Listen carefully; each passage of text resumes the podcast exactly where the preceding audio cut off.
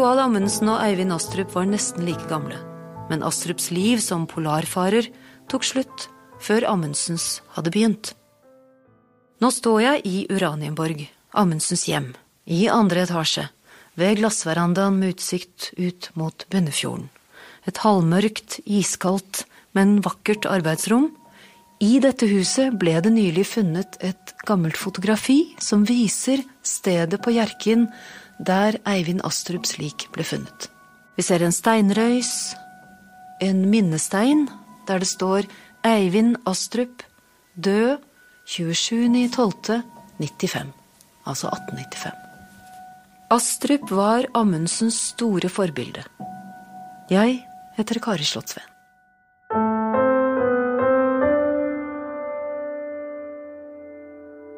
I februar 1893 sitter Roald Amundsen i Studentersamfunnet i Kristiania og hører Eivind Astrup fortelle fra Arktis.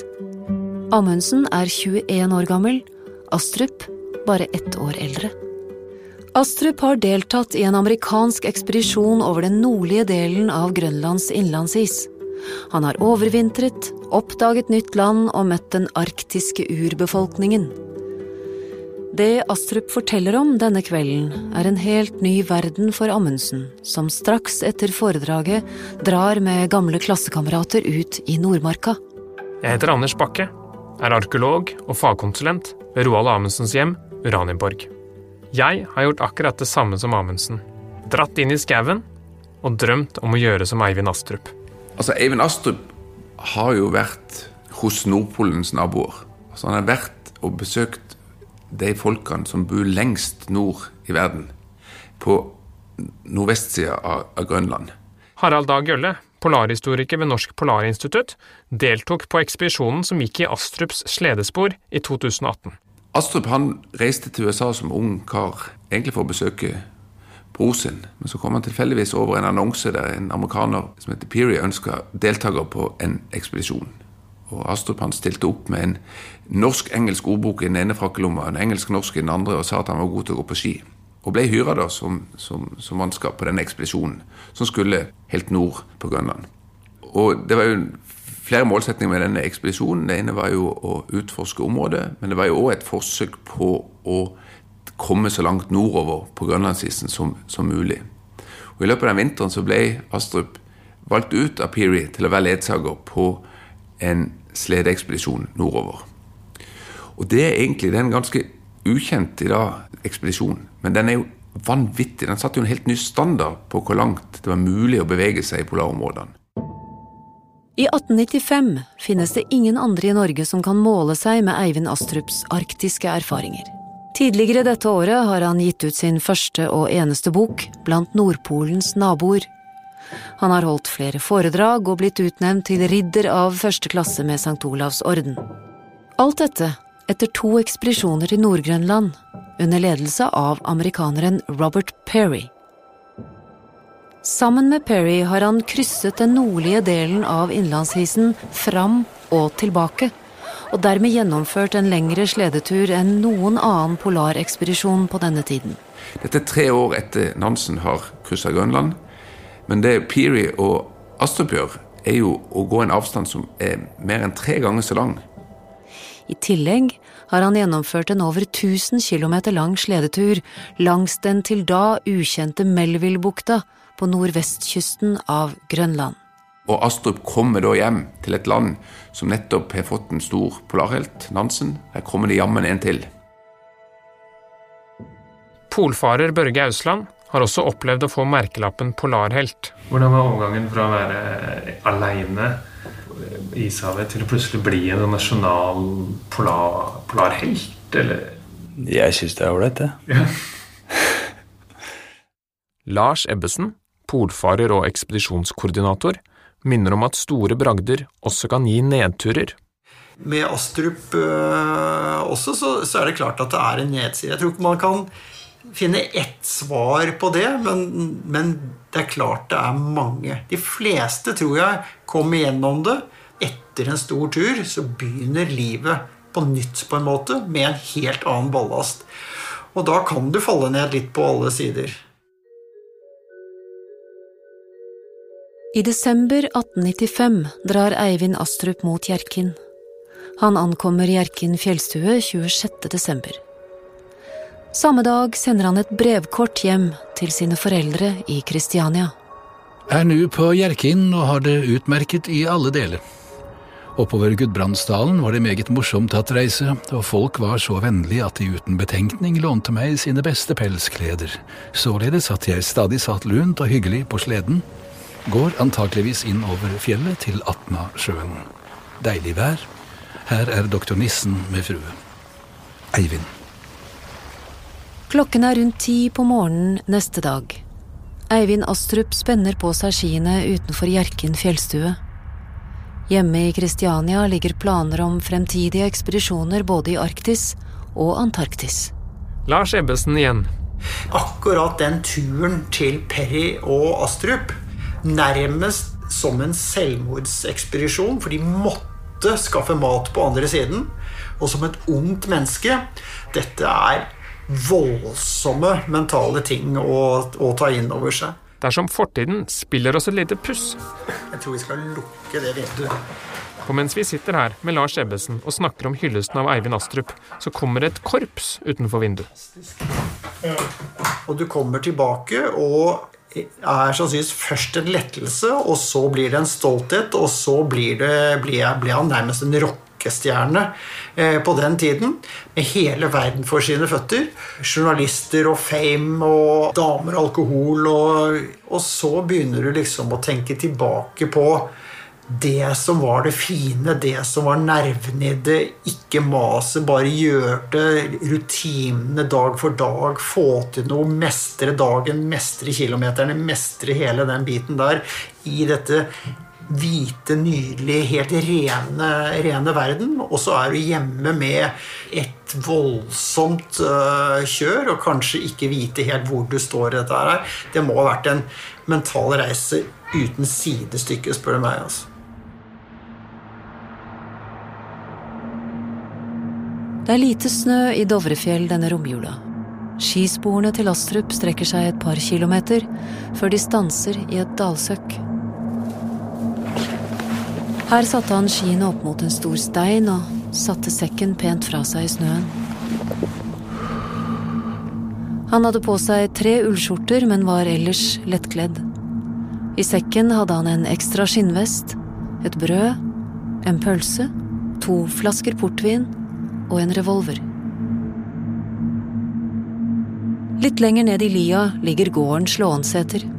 Kona på gården heter Ragnhild Eriksdatter.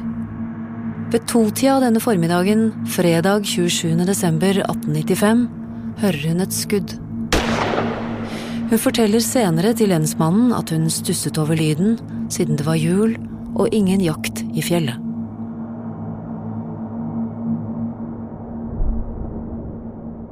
Liket av Eivind Astrup blir funnet etter 25 dager.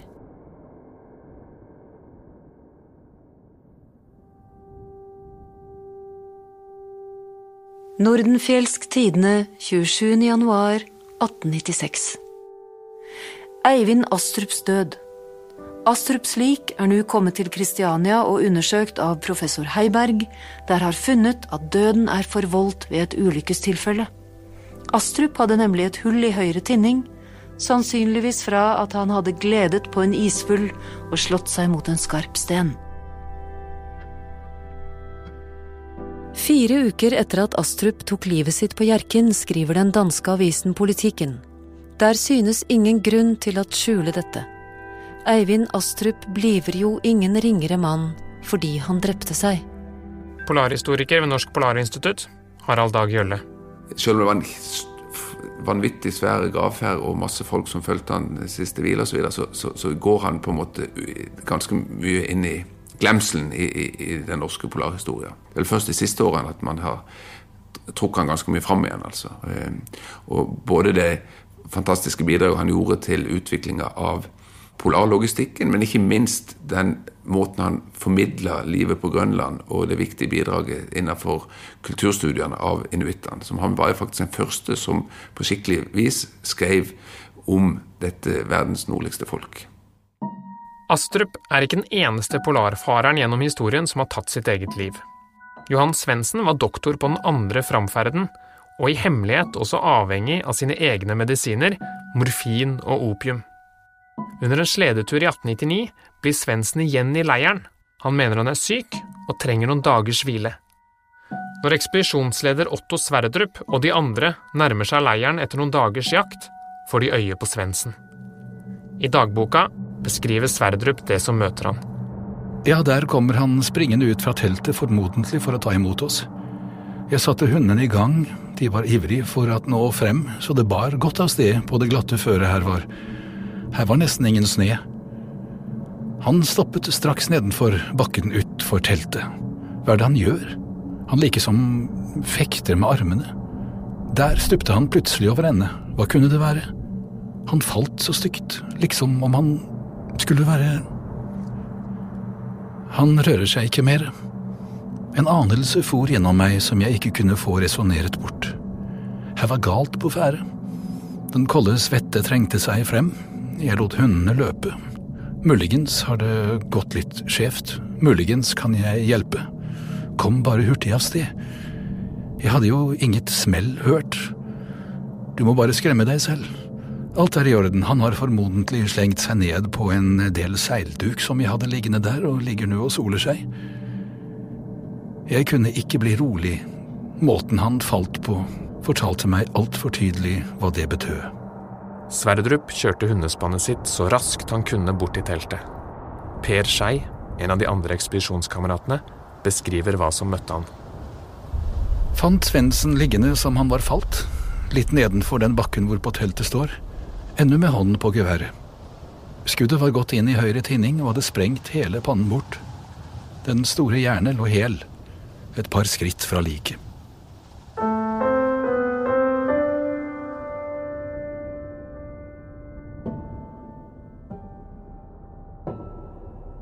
De makabre polarhistoriene tar ikke slutt der. I 1911 deltok Walter Slosarsyk på en tysk ekspedisjon til Antarktis. En kveld mens de andre hygger seg i messa, spør Walter om lov til å ta en liten rotur med en av småbåtene. Etter tre dager ble båten funnet, med årene i, men ellers tom. Så finnes det også historier om at folk isolert i isen har tatt livet av hverandre. Charles Francis Hall den amerikanske lederen for en ekspedisjon mot Nordpolen i 1871, fikk en dag servert en kopp kaffe.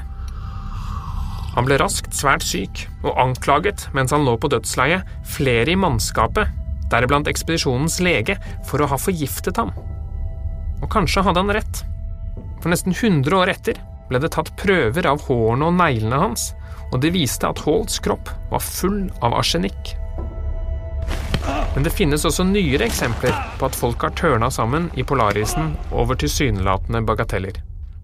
Senest høsten 2018, da den russiske forskeren Oleg Belogusjov ble knivstukket av en kollega på en forskningsstasjon i Antarktis. Det ble hevda at årsaken var at han igjen og igjen avslørte slutten på bøker fra forskningsstasjonens bibliotek, bøker den andre ennå ikke hadde lest. Ikke før midt på 1900-tallet begynte man virkelig å forske vitenskapelig på hvilke mentale utfordringer som ligger i en polarekspedisjon. Roald Amundsen sa dette om hva som skjer med mennesker som overvintrer i isen. Jeg vet av egen erfaring hvordan det avstengte liv angriper den sunne, fornuftige tankeevne. Et år er merkbart på et individ. Hva skjer så med de mange som år etter år er utestengt?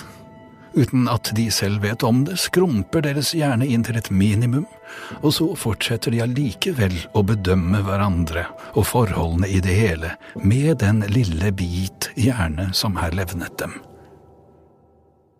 Børge Ausland mener det er helt naturlig at hvordan en polfarer dør blir viktig, fordi man gjerne huskes for det siste man gjør. Ja, der ute, for meg handler det bare om å overleve og og med og som klarer vanskeligheten, egentlig. Eh, men for meg så handler jo ikke det om å nærme meg døden, men det handler om å nærme meg livet i størst mulig grad. Og hele spekteret av det livet har i seg å filosofere rundt hvem er jeg, og hvor kommer jeg fra, og hva er det som har preget meg i mitt liv? Og når jeg går på disse lange soloturene og har energi til å gå og filosofere litt, så går jeg og tenker tilbake på hvor, hvor, hva er det første jeg kan huske, og, liksom, og, alle menneskene som har preget meg, og alle som har møtt, og prøver liksom å rekapitulere. Så det er en form for meditasjon, rett og slett, å gå på en sånn tur i tillegg. Så det er det filosofiske perspektivet på det. Det er det det handler om, ikke, ikke å dø. Men det handler om Nei, det handler tvert imot om å leve.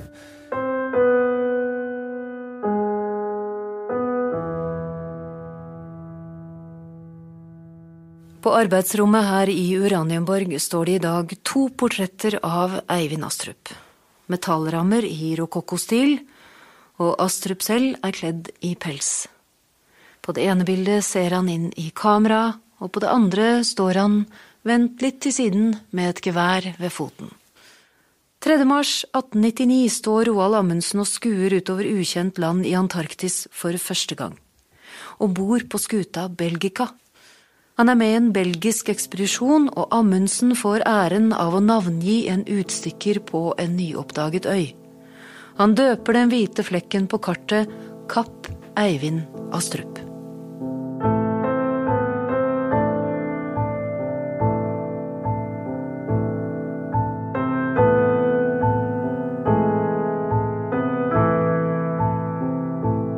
Frosne erobringer er laget av Filt Oslo i samarbeid med Follo museum for A-magasinet. Redaktør er Lillian Vampeim. Reporter var Anders Bakke. Kari Slottsøen fortalte historien om Eivind Astrup. Terje Strømdal ga stemme til Astrup, Otto Sverdrup og Roald Amundsen. Lyddesigner er Christer Orreteg. Kjenningsmelodien er komponert av Daniel Daatland og Mina Karlsen. Øvrig musikk er komponert av Jens Fogner. Jeg heter Peter Daatland og er produsent. Fritt Ord, Storebrand og A. Wilhelmsen Foundation har bidratt til å realisere podkasten du har lytta til.